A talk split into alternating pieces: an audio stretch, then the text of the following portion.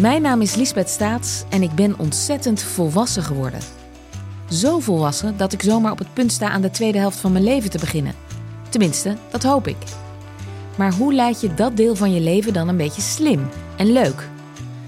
Dat vraag ik in de podcast Lang zal ze leven aan vrouwen die daar al zijn. Die dat terrein al helemaal hebben verkend en inmiddels uit een enorm reservoir aan wijsheid kunnen tappen. Ik praat onder andere met Annemarie Oster, Petra Lasseur, Annemarie Jortsma en Tineke de Nooi in Lang zal ze leven.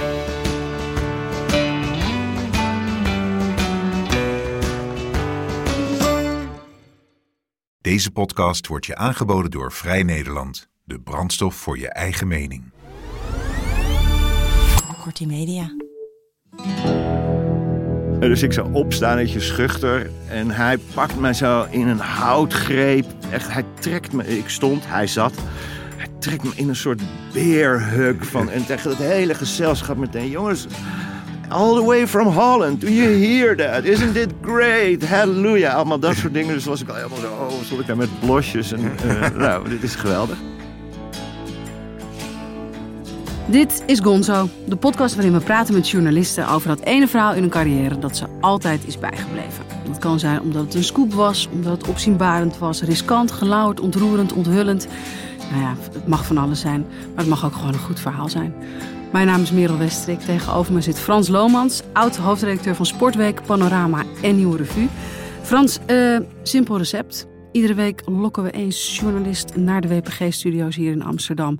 Om te komen praten over dat ene verhaal in zijn carrière dat, eh, dat hem of haar altijd is bijgebleven. Moet gepubliceerd zijn. Ja, Meer vereisten nog. Het moet, het moet gewoon een waanzinnig goed verhaal zijn. Om wat voor reden dan ook. Ja. Dus, eh, en het moet in ieder geval goed geschreven zijn. Hè? We, En een we leuk- nodigen, we nodigen geen eh, eh, slechte schrijvers uit. Nee. En het moet een leuke journalist zijn ook, toch? Anders Ja, vind jij het zonde ja. van je uur. Nee, wel, wel, wel een beetje sympathiek. Als het even kan. Hè? Ja, Af en toe een uitzondering. Maar vandaag is geen uitzondering. absoluut niet. Ja. Frans, eh journalist die we vandaag hebben uitgenodigd, die komt vertellen over een hele bijzondere ontmoeting eh, met een zanger. Eh, laten we even naar de desbetreffende zanger luisteren. I'll give you my everything. All of my love, all of my love, all of my love, love, love, love, love to you. Just don't give up on me.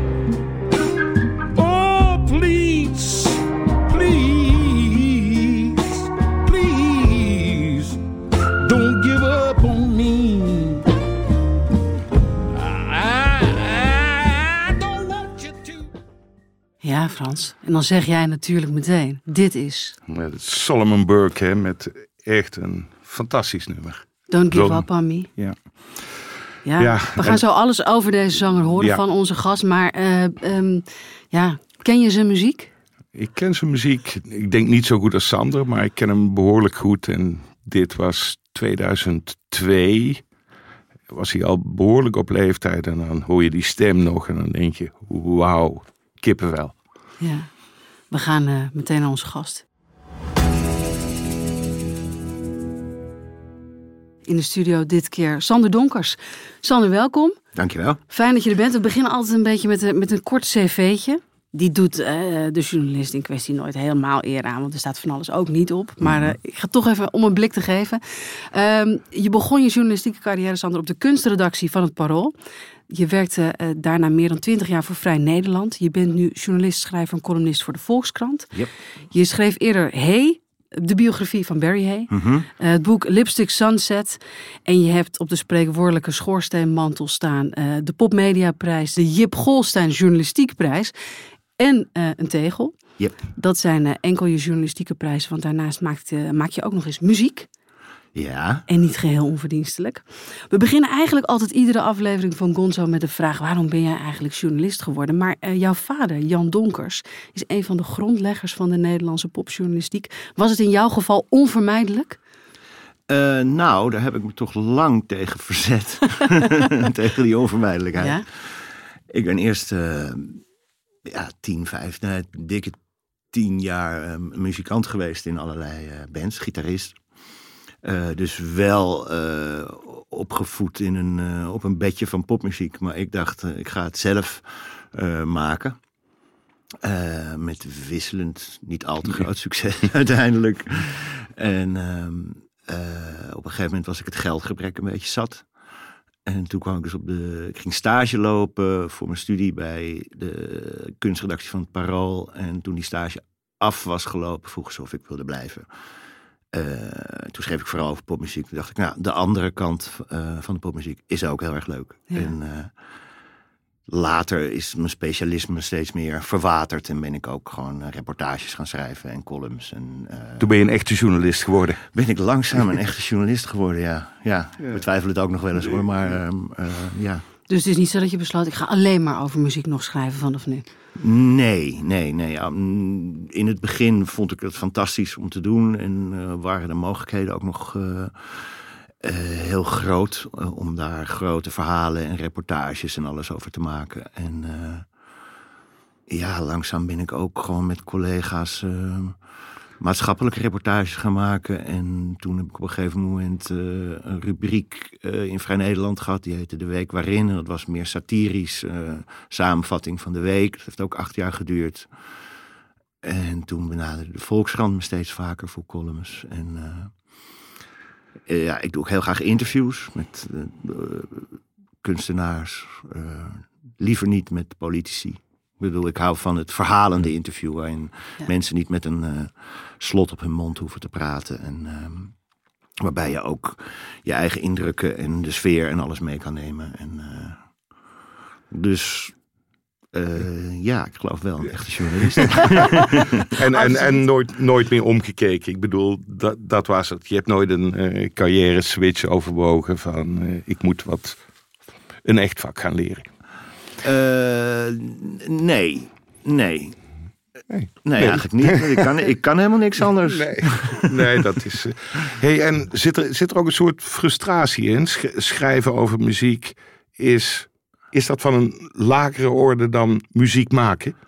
Nee, natuurlijk. Maar ik bedoel, er zit geen frustratie. Maar natuurlijk is het van een lagere orde. Het is een, het is een, een andere orde. Eh, het is iets wat je goed kunt gebruiken. Eh, je muziekachtergrond wanneer je ehm, eh, muzikanten interviewt. Dat, dat, dat niet zozeer om dan te zeggen, alles, ik weet alles van een, van een gitaar of, een, of een versterker. Maar je kent die wereld. Ja, je En- voelt wel waar ze het over hebben. Ja. Je begrijpt wel. ja, en ze- of je nou in een bandje zit wat eh, in de nieuwe Pul in Ude als hoogste eh, eh, beker te, triomf heeft gehad. Ja. Of de Ziggo Dome. Het is toch die, de, eh, de dynamiek binnen een bandje. de- Het blijft gewoon altijd hetzelfde. Dus ik heb daar zeker wat aan gehad. En ehm, mooi schrijven eh, vind ik niet van een lagere orde dan eh, eh, mooi muziek maken. Nee. Dus eh, eh, een, een recensie van een plaat eh, in, Ja. in, in 80 woorden. Dat, eh, Beetje armoedig. nou ja, aanmoedig. Eh, dat, heb, dat heb ik een tijdje gedaan. En- Geen kunst. eh, het is Nou, wel het een is ook kunst. een kunst, hè? Maar sorry, zeggen, niet probeer het maar per de 80 se de hoor. mijne. Nee, nee. Dat heb ik een tijdje Ja. gedaan. En het waren altijd een beetje moedjes, zeg maar. Eh, eh, Frans, eh, eh, podcast heet natuurlijk Gonzo. Ik wist helemaal niet dat eh, Jan, vader van Sander, eh, een discjockey eh, alias heeft. Zeker. Genaamd Gonzo. Absoluut, ja. ja. Go- Gonzo Radio. Nee, en- Ja, heb je het van een beetje... Kijk, ik, ik, ik ben een beetje opgegroeid met de vader van Sander. Zijn muzieksmaak werd langzaamaan mijn muzieksmaak. Ach, ik bedoel, ja. ik luisterde al zijn radioprogramma's van A tot Z. Dus eh, ik, ik denk dat ik meer van eh, de vader van Sander heb opgestoken dan Sander van zijn vader heeft opgestoken. Daar kunnen we nog wel eens even een robbertje over vechten, Frans. Maar, Ja, en of we daarachter gaan komen in deze podcast, weet ik het Nee, niet. hij was heel bepalend voor mijn leven. Maar nu hebben we het over Sander en niet over Jan. Ja, want eh, nu we het over Gonzo hebben, eh, Sander, in hoeverre... eh, dus Gonzo is toch voor ons een beetje afgeleid van Gonzo journalism. Mhm. journalisten die zichzelf heel erg in hun verhalen schrijven. Ja. Eh, in hoeverre doe jij dat? In de verhalen die jij schrijft? Als het moet en als het kan. Eh, dus meestal eigenlijk gewoon niet. Eh, er zijn gewoon. eh, ik neem niet mezelf als uitgangspunt. Nee, het uitgangspunt is dat je dat niet doet. Ja, dat is, vind ik eigenlijk wel het uitgangspunt. Maar ehm, soms zijn er interacties met de geïnterviewde. waarin je zelf ook een actor bent. Zeg maar, waarin je zelf een iets wat er gebeurt, wat je niet kan navertellen als je niet jezelf er op een of andere manier inschrijft. En dan heb je van die hele gekunstelde eh, vormen van de interviewer. Ja. Van, nee, dat, weet je wel, want ik, Dat doen we niet, hè? ik is, is, is een soort taboe en dat taboe mag je best af en toe eh, doorbreken. En ehm, ja, het, eh, het gebeurt eigenlijk niet vaak. Nee. Dus eigenlijk doe je het alleen als het niet anders kan en als het het verhaal mooier maakt Ja. of, of rijker. Ja, Eh, ik ben, het enige, voornaamste voorbeeld wat ik daarvan heb is dat ik, ik zat een heel lang met Thomas Akda in een bandje. Dat heette Herman en ik. En daar ben ik, dat, dat bandje is ter ziele gegaan. En een jaar later werden zij Akda en de Munnik. En eh, met voor een belangrijk deel, nou gewoon een deel, dezelfde liedjes die wij drie jaar lang met dat bandje hadden gespeeld. Maar die dan nu opeens. eh, en toen stond ik Echt als journalist. Ja, dat was heel grappig. Stond ik als journalist geaccrediteerd en wel in de coulissen op Lowlands. eh, te kijken. En dan speelde dat. En David Middelhof, de bassist van het bandje, die speelde nu er ook bij. Eh, te kijken naar ja, hoe 15.000 mensen opeens helemaal uit hun dak gingen op, op een aantal van diezelfde nummers. En er stond ook zo'n gitaar in een standaard. En ik dacht gewoon, ik, ik, had, ik had moeiteloos het podium op kunnen lopen en dat ding om kunnen hangen en mee kunnen gaan spelen, wat ik natuurlijk niet gedaan heb. Eh, dus toen ik later een keertje Thomas, vlak nadat Acta en de Munnik uit elkaar gingen, toen heb ik Thomas eh, groot geïnterviewd voor Vrij Nederland. En dan denk je, ja, maar dit, dit is een meerwaarde. weet ja, je, wel? je Als moet dit- ik mezelf inschrijven. je Dit moet verhaal jezelf moet hierin. inschrijven, ja. want anders vertel je A niet, niet 100% de waarheid, want Ja. er is ligt een soort dubbele laag onder dat interview eh, die je dan de lezer onthoudt. Bovendien, het is gewoon grappig. Ja. Ja. Nou ja, en, en, en ook een beetje, ergens een beetje pijnlijk. Ja, maar goed, daar moet, je, daar moet je mee om kunnen gaan. Want Ja. ik vind het niet, niet echt pijnlijk. Nee, dat snap ik. Eh, als ik het echt pijnlijk vind, had gevonden, dan had ik waarschijnlijk dat interview niet gedaan. Nee, dan had je die Ja. accreditatie niet om je Nee, bovendien- geweest. Nee. Een beetje om jezelf kunnen lachen is natuurlijk ook een, eh, eh, een belangrijk eh, ding. Maar je, maar, maar je zat dus één centimeter van het grote succes af, hè? Ik zat, ja, inderdaad. Ja, ja, ja, Mooi. ja, klopt. Eh, Sander, in het nawoord eh, van je boek eh, Lipstick Sunset schrijf je... Soms is het heel erg leuk om popjournalist te zijn. En op de allerbeste momenten vergeet je dat je het bent. Mhm. Ehm, gaan we het nu hebben over zo'n moment? Oh, absoluut. Ja, absoluut? Ja, absoluut.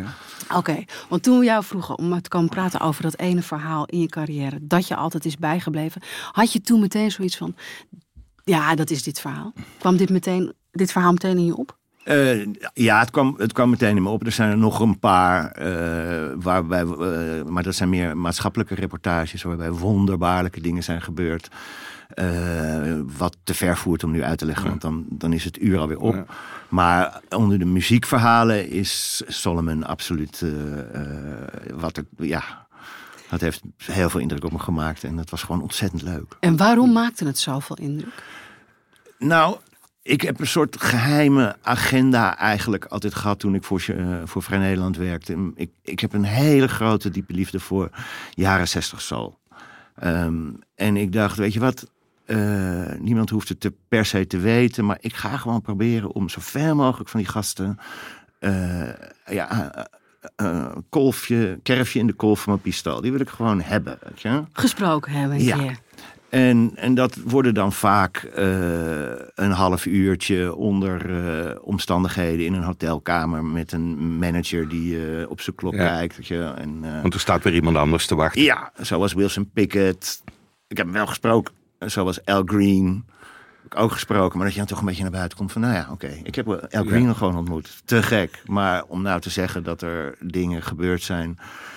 eh, Die onuitwisbare indruk die hebben een gemaakt. onuitwisbare Ja. indruk hebben gemaakt, dat, dat, dat niet. En eh bij Solomon Burke overkwamen er maar van allerlei dingen. eh gebeurden er dingen eh, die ook mooi in het eh, laat ik zeg maar, thema van zijn persoonlijkheid passen. Een hele spirituele man, die dat ook ontzettend uitstraalt. En, eh, ehm, en ik ben heel erg op hem gesteld geraakt. Ja. Want Echt, eh, jij stelde dat voor hè, bij eh, Vrij Nederland. ja. Ik, ik wil heel graag Solomon Burke eh, gaan doen. En dan wil ik voor naar Amerika. Ja. Wat zei de hoofdredacteur? Toen je ga dat maar. Ja? Ja, Zo simpel? de Gouden tijden Ja? waren dat. Ja. Ja. Ja. Je, Nou, je kijk- je hoeft er niet van alles uit te leggen over Solomon Burke. Nou, ik heb ook een, kleine pitch. Kijk, dit was eh, 2002. En toen had hij net een Grammy gewonnen voor een echt... Het was echt een comebackplaat van dat liedje wat we net hoorden. Zo heet die plaat ook, Don't Give Up On Me. Eh, hij was een grote soulzanger in het begin van de jaren 60. Eh, en daarna is hij altijd blijven zingen, maar wel een soort van in, in, eh, in de vergetelheid geraakt. En het eh unique selling ding van deze plaat was dat er allemaal grootheden nummers hadden geschreven. Tom Waits, Bob Dylan, Van Morrison geloof ik, Dan Penn. Die hadden me nummers geleverd. Dus er zat wel een goed verhaal bij. Weet je wel. Het was niet heel moeilijk om de hoofdredacteur daarvan te overtuigen. Maar het had net zo goed helemaal naar Philadelphia vliegen.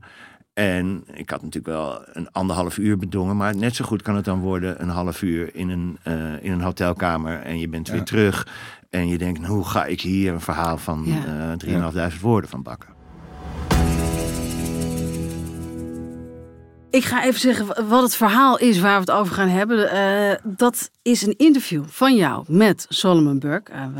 met de titel Koning Solomon. Het is gepubliceerd in Vrij Nederland op 24 augustus 2002.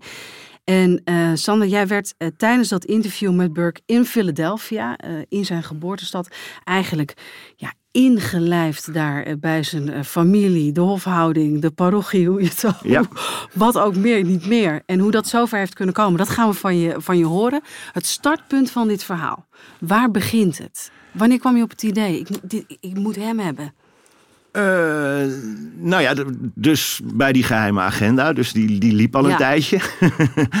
en eh, ik ging naar Philadelphia. Ik had toestemming gekregen van de hoofdredacteur. en eh, ik ging naar Philadelphia. Ik wist niet precies wat ik daar moest verwachten. Ik wist wel dat Solomon Burke in Philadelphia was geboren. Maar hij woont, hij woont al sinds begin jaren zeventig in Californië. Dat wist ik ook. staat allemaal op zijn Wikipedia. Maar ik had geen idee dat er in Philadelphia op dat moment een soort sfeer hing van koning Solomon is terug op het honk waar hij, eh, eh, waar hij thuis hoort. En toen, ik weet nog dat ik liep van het, over het vliegveld en eh, overal zag ik kranten van King Solomon is back. En eh, yeah, King Solomon and the throne is no longer in exile. En dat soort dingen. En toen eh, werd ik dus eh, in mijn hotelkamer al gebeld van, nou, het is misschien leuk. ehm, er is vandaag een, een, ontmoeting met de burgemeester. Waar je misschien bij kan zijn. Gewoon fly on the wall. eh, dus ik daar naartoe. Nou, inderdaad. Nou ja, allereerst als je Solomon Burke voor het eerst ziet. Ik had wel plaatjes van hem gezien. Maar dit is een vent. Je weet gewoon niet wat je ziet. Hij is, ik denk, 250 kilo. Hij heeft een geweldig, super indrukwekkend eh, hoofd. Eh, mooi pak aan. En eh, hij zat daar zo en werd door de burgemeester toegesproken van Philadelphia. Van wat zijn zo blij om je te mogen verwelkomen. En, en dat was heel ceremonieel. Toen was er een soort napraatje van die persconferentieachtig ding in een, in een hokje. Waarbij ik ook werd meegenomen. Dus door een soort platenmaatschappij, eh employé. En toen zat ik aan een lange tafel en hij zat aan het hoofd van die tafel. En toen viel zo'n, zijn oog op mij. En toen zei wie hebben we daar? En dus ik zei, ik ben Sander Donkers. Ik kom uit Nederland.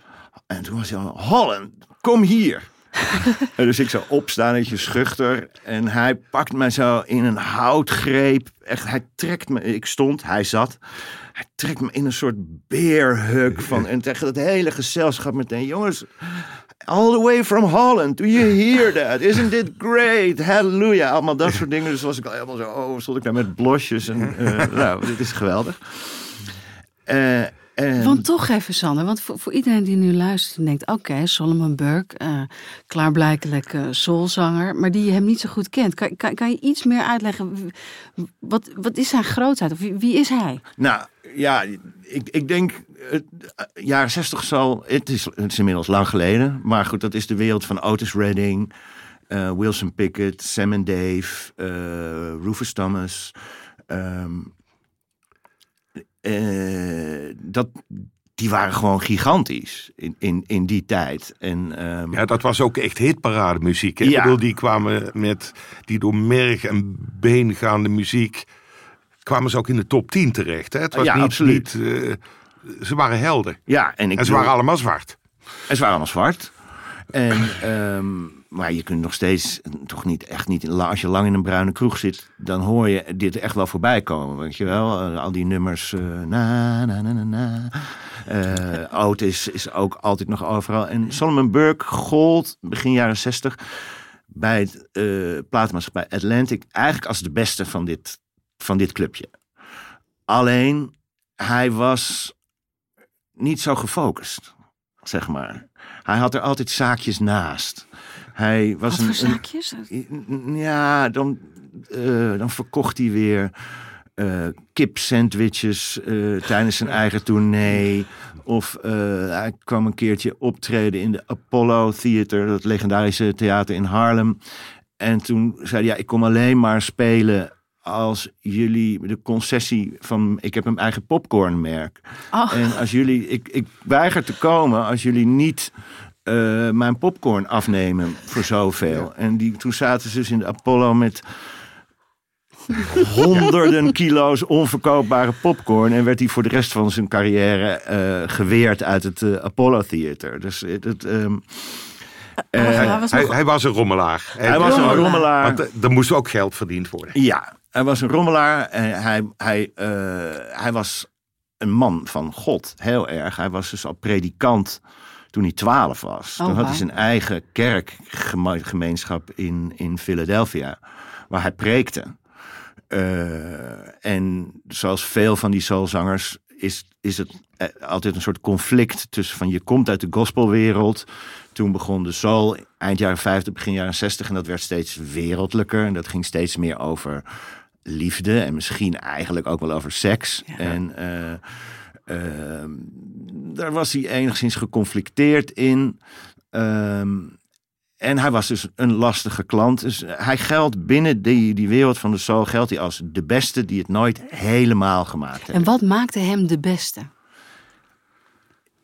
Ja, over stemmen kun je natuurlijk lang twisten, maar hij, hij, heeft, eh, hij heeft gewoon een fantastische buigzame stem. Hij heeft een presence eh, die niemand die hem ooit ontmoet heeft ooit zal tegenspreken. Weet je wel. Hij is gewoon een soort bezwerend karakter. eh, ehm, en en in, binnen dat label, Atlantic, eh, binnen die plaatmaatschappij, ging het natuurlijk ook echt heel over specifieke zangkwaliteiten. En je had Otis, Redding, die geldt als de beste aller tijden.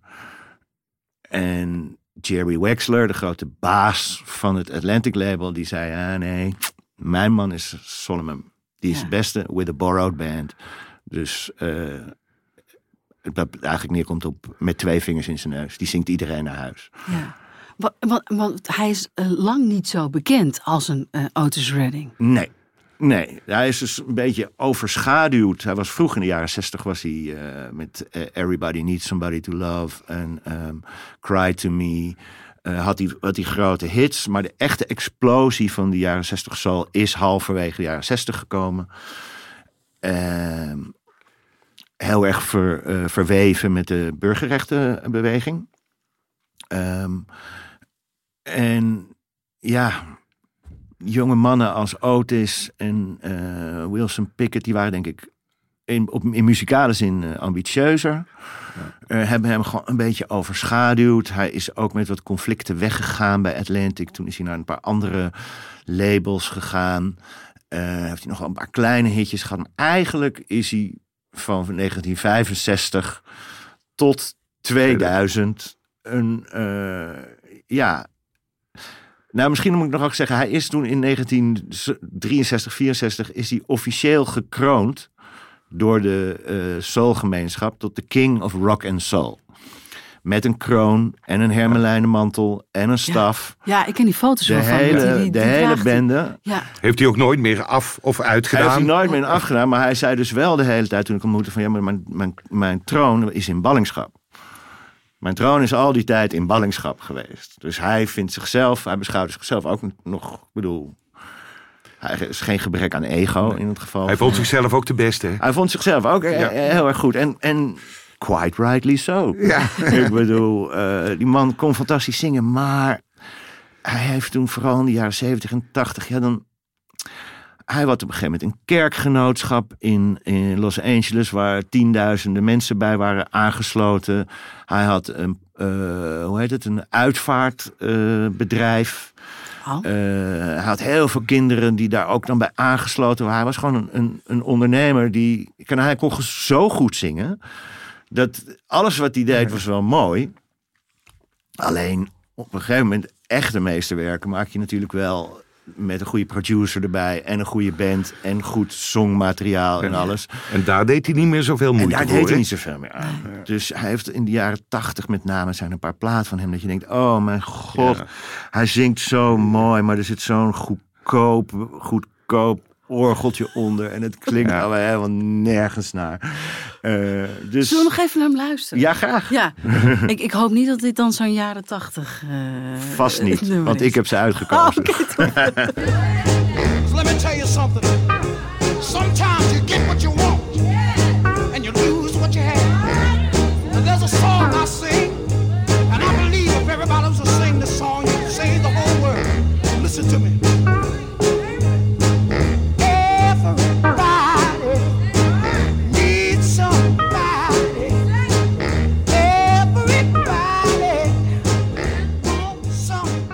En dit was Everybody Needs Somebody to Love van eh, Solomon Burke natuurlijk. Ja, Sander, eh, in 2002, eh, het jaar dat je hem gaat interviewen, heeft hij dus die opleving door die nieuwe CD. Ja. Ehm, jij spreekt daar af. Je vertelde net al even over die eerste ontmoeting. Maar, maar had je een plan? Wat wilde je te weten komen van hem? Nou, ik had dus gerekend op eh, anderhalf uur één op één met Ja. hem eh, zitten. En ik had natuurlijk een vragenlijst. En dan denk je na van hoe kan ik zo snel mogelijk komen. Ook op eh, onderwerpen als van heb je je miskend gevoeld. En je zegt dat de troon in ballingschap is. En wat heeft dat voor je betekend enzovoort.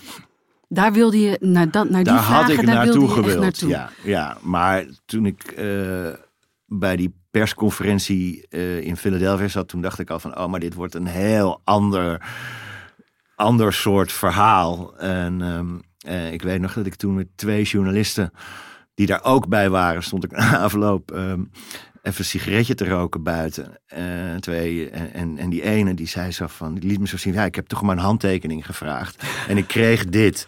Toen liet hij een briefje zien, daar stond op, to the bank, give this man all my money.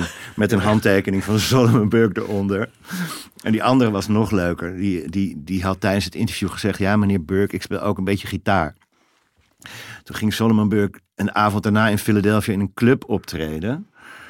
Eh, en toen was daar ook Robert Plant van eh, Led Zeppelin, de zanger van Led Zeppelin. En die had via zijn manager gezegd van nou, ik wil eigenlijk wel eh, een, een liedje meezingen met Solomon Burke. Hè? Dus nou, fantastisch zou je zeggen, want dan Ja. kon hij een beetje oogsten dat hij eh, al die tijd ondergewaardeerd was geweest. Ja. Dus op een gegeven moment zegt Solomon Burke zo van, and we got a very special guest tonight. Waarop hij dus die totaal onbekende journalist die een beetje gitaar speelde op het podium vroeg.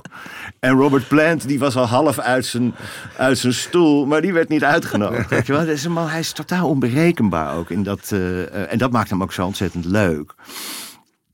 Ehm, dus, maar voordat ik hem zou spreken, was er ook nog een optreden in een park in, in, in Philadelphia die middag. En dat was zomer en het was ongelooflijk heet. En, eh, Ja, hoe gaat zo'n show dan? nou ja, hij, eh, hij is dus, hij, hij kan niet staand optreden.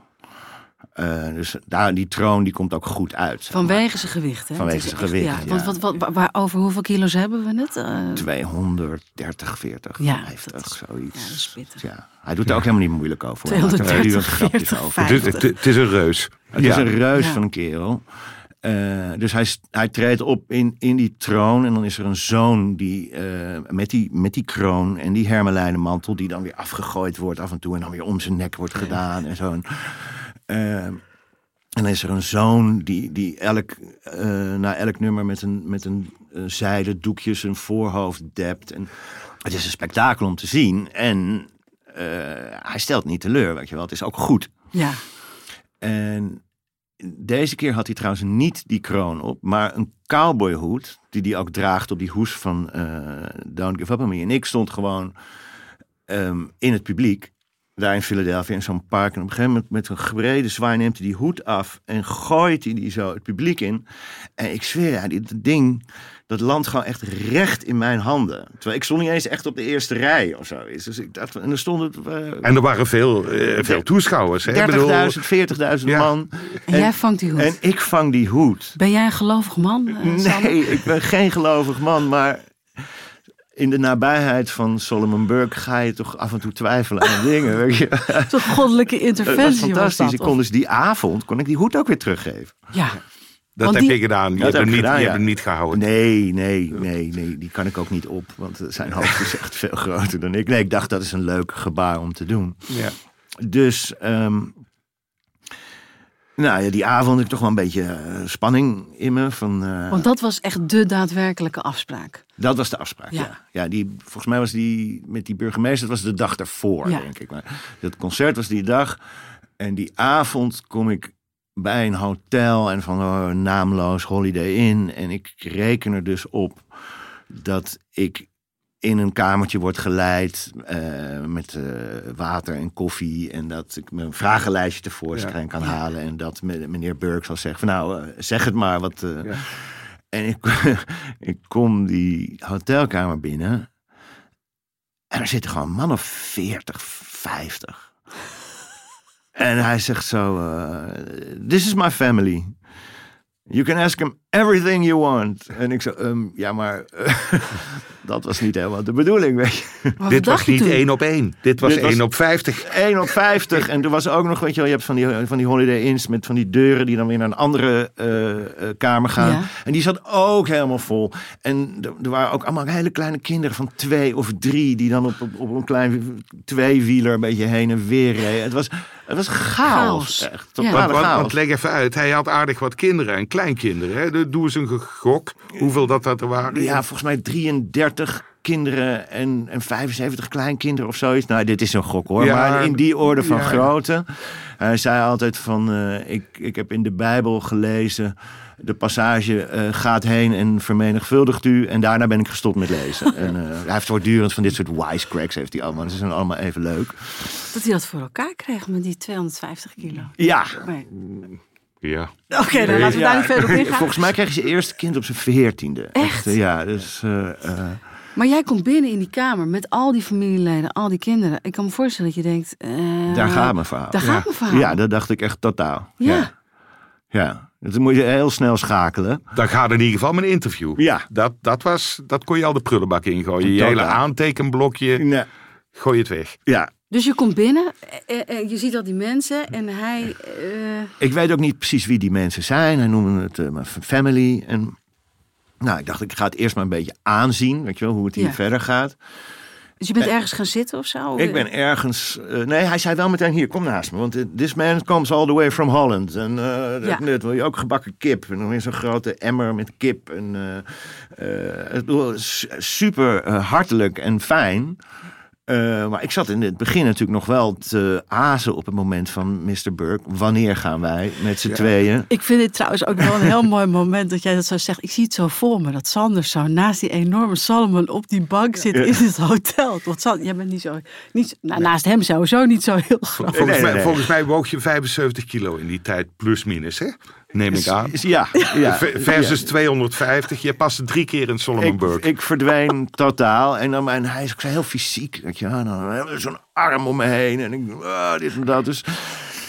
En ik kom er zo'n beetje langzaam achter van... Oké, dacht even, dit is allemaal familie. Dit zijn allemaal mensen waarvan het grootste deel in Philadelphia is blijven wonen. Ja. Terwijl hij eigenlijk altijd in eh Californië heeft gewoond. Ja. En ehm, dus er waren ook kleinkinderen die hij nog nooit gezien had. Het was een soort familiereunie Totaal. eigenlijk. Ja. En, eh, en, en hij is natuurlijk ook, hij heeft een enorme eh, autoriteit. Dus er kwamen ook af en toe mensen langs van. eh, dat waren aangetrouwde neven of zoiets. En die kwamen echt zo heel respectvol eventjes. ehm, eh, ja, zeg nou, ik ben die en die. En dan pakte hij, met, pakte hij hun handen weer. En zo fijn dat je er bent. En, eh, en, enzovoort. eh. Ehm, dus ik zag mijn, mijn, eh, eh, mijn interview in rook opgaan. Natuurlijk dacht ik ondertussen wel van dit is allemaal wel heel leuk om te beschrijven. En om mee te Ja, maken. en om mee te maken. Dat, maar- dat had je ook al door? Tuurlijk, op dat Ja. moment. Tuurlijk, maar ik had wel gewoon een aantal serieuze vragen. En op een gegeven moment eh, pak ik dus toch maar eh, zo'n het opschrijfboekje tevoorschijn. Van, van nou, een beetje een soort eh, eh, stille hints geven. En dan ging die deur weer open en dan kwam er weer een neef. En, en dan weer iemand binnen van hoe, hoe, hoeveel pizza moeten we bestellen? Ah, doe maar, doe maar 40. En, en ehm, en hij, op een gegeven moment zegt hij dus van... je mag mijn familie alles vragen. Je mag iedereen vragen. Ze zijn allemaal fantastisch in hun vak. Ze zijn allemaal interessante mensen. En, en toen stelde ik... eh, ik weet het ook eigenlijk niet meer. Want de, de vraag, uiteindelijk maakte de vraag helemaal, helemaal niks uit. Weet je wel. Maar Je weet niet meer wat je eerste vraag was. nou, dat heb ik even niet paraat. Het staat ergens. Maar gewoon, ik vroeg iets over die plaat. En hoe vind je het eh, eh, dat het nu weer zo succesvol... eh, dat je nu zo'n succes hebt. En Ja. hij neemt het gewoon totaal over. En hij begint eigenlijk gewoon in mijn... Oh ja, ik zette wel mijn, mijn opnamerecordertje aan. In mijn cassetterecordertje begint hij een verhaal aan zijn familie te vertellen. Van, ik heb jullie eh, niet allemaal eh, vaak genoeg gezien. Sommige van jullie heb ik tekort gedaan. Eh, ehm, de Highway of Life heeft ons ver- verschillende kanten opgevoerd en, enzovoort. En ik kon niet helemaal navoelen eh, de, de, emo de, de familiaire emotie die hierin zat. Weet je? Maar eh, ehm, dus op een gegeven moment. eh, Ze houdt eigenlijk een soort familiespeech. hij houdt een soort familiespeech en, en hij, hij, hij prees ook de hele tijd. En kijk dan die mooie dochter van me. En mag ik het zeggen, darling? Oh, yes, daddy, yes. En, en zij is nu eh, de trotse bedrijfsleider van dit en dat het bedrijf enzovoort. Allemaal informatie waarvan je denkt, ik zit hier echt helemaal niet op te wachten. Want ik kan hier gewoon niks mee, weet je wel. De lezers van Vrij Nederland zitten niet te wachten op... ehm, Wa- Wat de dochter eh, van Wat- Solomon Burke voor Nee. een bedrijf heeft. Eh, maar dus, en op een gegeven moment begon hij dus van. Nou, begon hij dus wat ik net zei te, te, te praten over dat hij niet voor iedereen een aanwezige goede vader was geweest. Ja, een soort biecht. Een soort biecht. Biecht. En hij is ook echt. De, nou ja, en um, ik zie allemaal tranen over zijn wangen biggelen.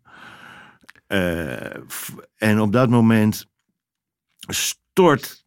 Nou, eerst één, daarna drie, daarna vijf, daarna twintig kinderen. Die storten zich allemaal bovenop hem. In een soort ontzettend ontroerende hug. Met, en sommigen ook met van die lange uithalen van. Nou, het was gewoon. En ik ben dus echt een soort. Ja, je moet je voor een soort rugby scrum. waarbij ik mij bijzonder. Ja, mijn aanwezigheid was gewoon. eh, iets wat eh, ongepast in Ja. die scrum. Dus Ja. ik heb me daar zo'n beetje een soort, soort onder vandaan gewurmd. Ik dacht, ik ga gewoon. Ik laat het bandje wel lopen. Eh, ik vraag later wel toestemming of ik eh, wat ik hiervan mag gebruiken aan Mr. Burke. En ehm, eh, ik zoek een veilig heenkomen in deze, in deze hotelkamer. En Ja. dat was dus min of meer onder een, onder een tafel. Zo half onder een tafel was echt nog de enige plek waar ik kon zitten zonder heel erg in de weg te lopen. En onder die tafel, ik keek naast me en er zat een meisje, dus ik denk een kleindochter. Een heel mooi meisje van een jaar of zeven, acht. Met van die Mickey Mouse knotjes, weet je Oh, ja, wel. ja. En, eh, en die kijkt me zo aan en die zegt tegen me... Nou, look what you've done. ja, sorry. Je hebt de opa aan het huilen gemaakt. De opa aan het huilen Ja. gemaakt. En niet een beetje ook. Nee. En het, dit, nou ja, dit herhaalde zich een paar keer. Eh, op een gegeven moment, en dat, toen werd het wel echt emotioneel, kon ik het ook begrijpen. Toen begon hij dus te vertellen over hoe hij eh, ehm, in de jaren zestig... eh, van, zei hij, ja, in een mooi hotel als dit... En daar kunnen we nu door de voordeur naar binnen. Ja, daar waren zwarte mensen natuurlijk gewoon helemaal niet welkom. Precies, Nee. en in de jaren zestig Ja. toerde ik met, dat heette dan de Soul Train. Het was een soort, soort eh, nee, de Soul Clan, sorry. Een soort eh, eh, eh, samenwerkingsverband van mensen die allemaal in één bus toerden met Don Covey en Sam en Dave. En eh, dan een, een, een revue gaven. Ja. Eh, geweldige avond moet dat geweest zijn. Maar dan was het dus wel zo. Ja, ik wist dat wel. Maar als je er zo dichtbij zit. Dan speelden ze dus in grote theaters. Maar dan moesten ze door de achterdeur naar binnen. Eh, en dan waren er. de meeste restaurants konden ze niet eten. Eh, ze konden alleen maar in sommige hotels slapen. Ik bedoel, het was nog vol eh, segregatie daar. Ja. En dus eh, eh, hij vertelde gewoon nu hoe, wat het voor hem betekende, ook in zijn eigen thuisstad, om gewoon Zo een- onthaald te worden. zo onthaald te worden en ook een lullige holiday in, Ja. zou hij waarschijnlijk nooit naar binnen kunnen lopen door de voordeur zonder zich te beseffen van zo was het vroeger niet. Nee. We've come a long way. En ehm, nou ja, dat. eh, Ja, en met allemaal kinderen om hem heen die een heel ander leven alweer hebben. Dat, dat eigenlijk dan niet hebben meegemaakt. En kleinkinderen die ja. opgroeien in een nog vrijer eh, leven. Ja, nou ja, goed. Er zijn nu Binnengrenzen. natuurlijk eh, Ja, weer ja. nog steeds grote. Ja. Maar voor iemand met die, eh, met dat vertrekpunt is er natuurlijk een hele hoop gebeurd. En eh, ja, ik zat er ook er gewoon bij, terwijl hij, zich sommige dingen realiseerde. Van, oh, dit, is, dit is je nicht zo en zo. En die is eh, bedrijfsleider van dat bedrijf. Zo, oh, ik heb geen idee. Ik had nooit Ja. een idee. Dus het was gewoon de, het succes van de familie Burke, de extended familie Burke, werd daar gevierd en eh, beweend.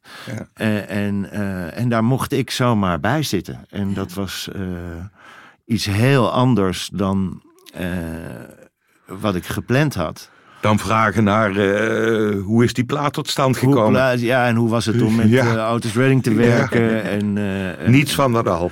Niets van dat al, nee. En, eh, maar de anekdotes eh, en, de, en de mooie zinnen, die, die, die rolden ondertussen toch ook nog uit zijn, Ja.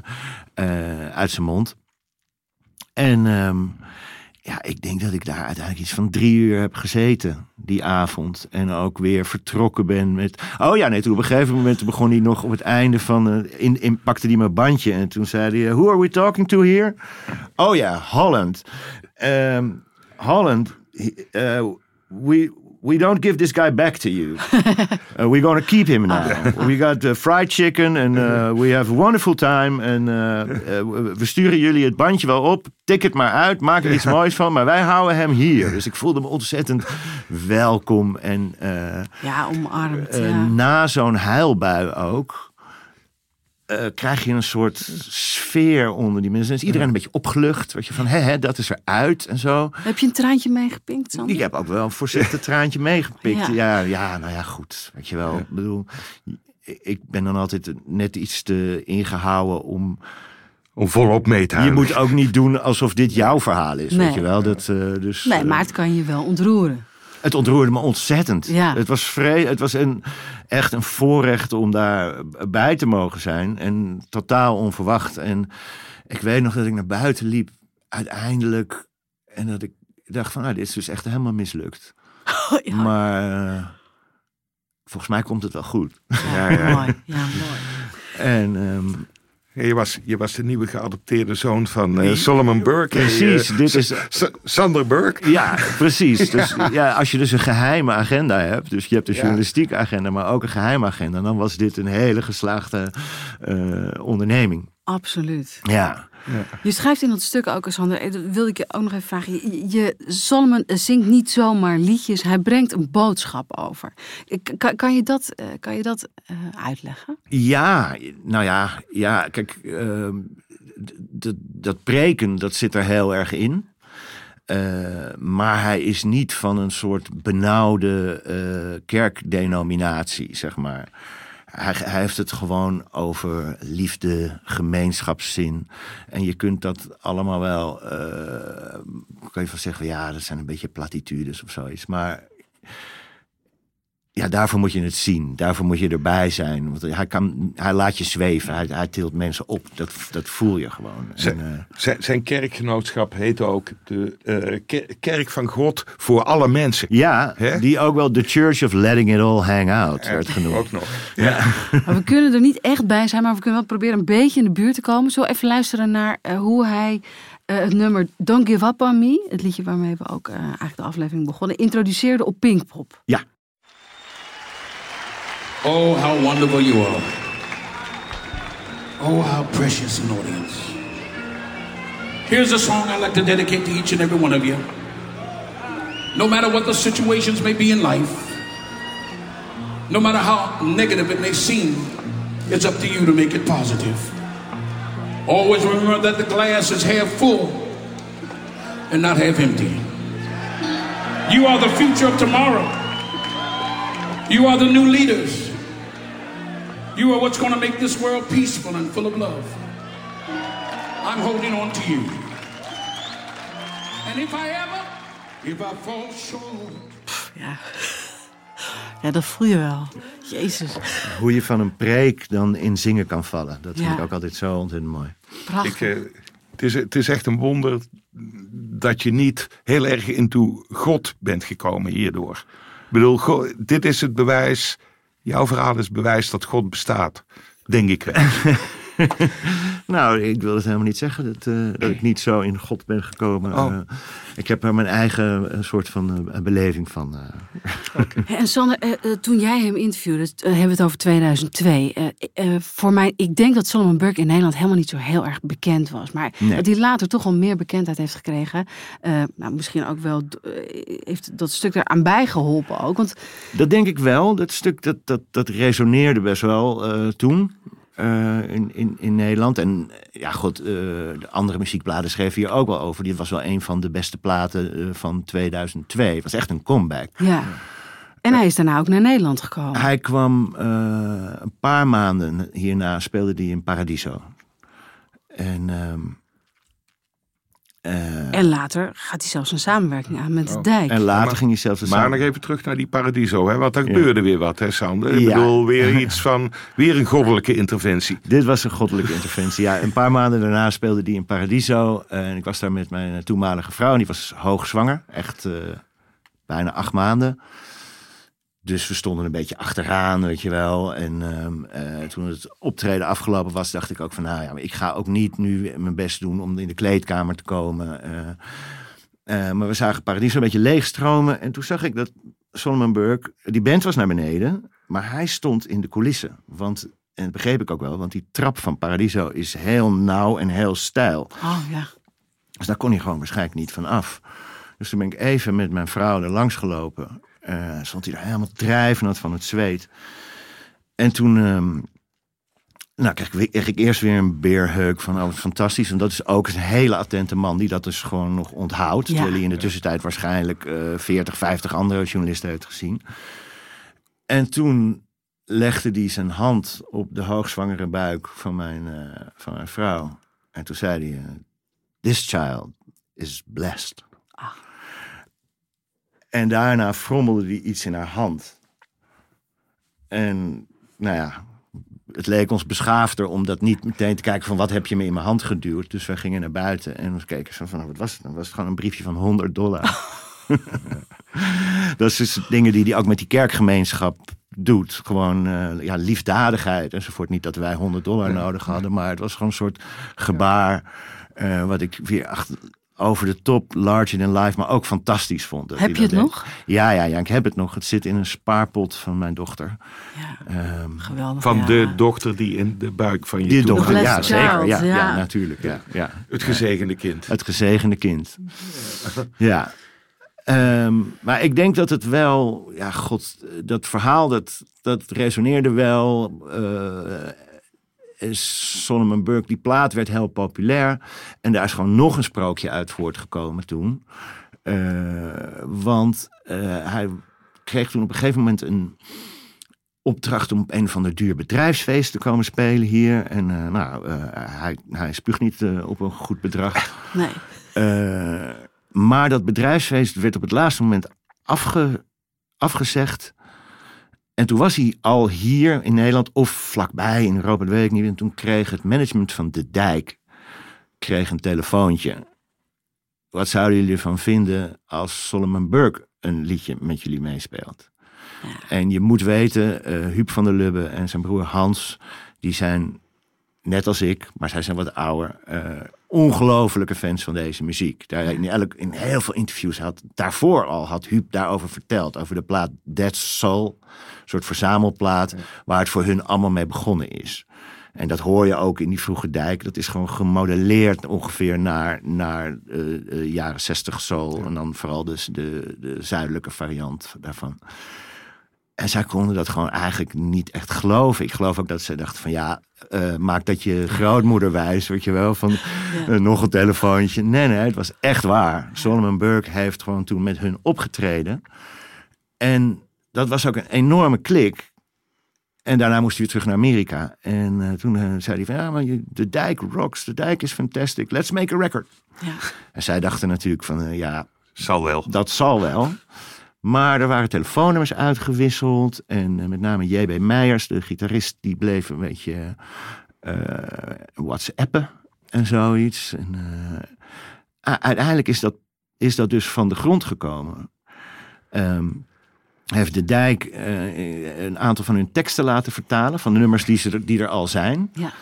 En die zijn dan naar Amerika gestuurd. En, en nou, uiteindelijk is het dus gewoon gebeurd dat Solomon Burke in Brussel met de dijk Engelse versies van nummers van de dijk eh, heeft ingezongen op de platen Hold On Tight. Wat een hele mooie plaat is geworden. Het past ook echt goed, weet je wel. En eh Huub, die dus niet of nauwelijks eh, zong, want Solomon zong, die, die heeft me ook onlangs nog verteld dat het echt van de, een van de gelukkigste tijden uit zijn muzikantenleven was. Ik zei, maar je had helemaal niks te doen. Ja, nou ja, god, af en toe een tamboerijntje en kijken wat er voor mijn neus gebeurt. Weet je wel, echt een jongensdroom.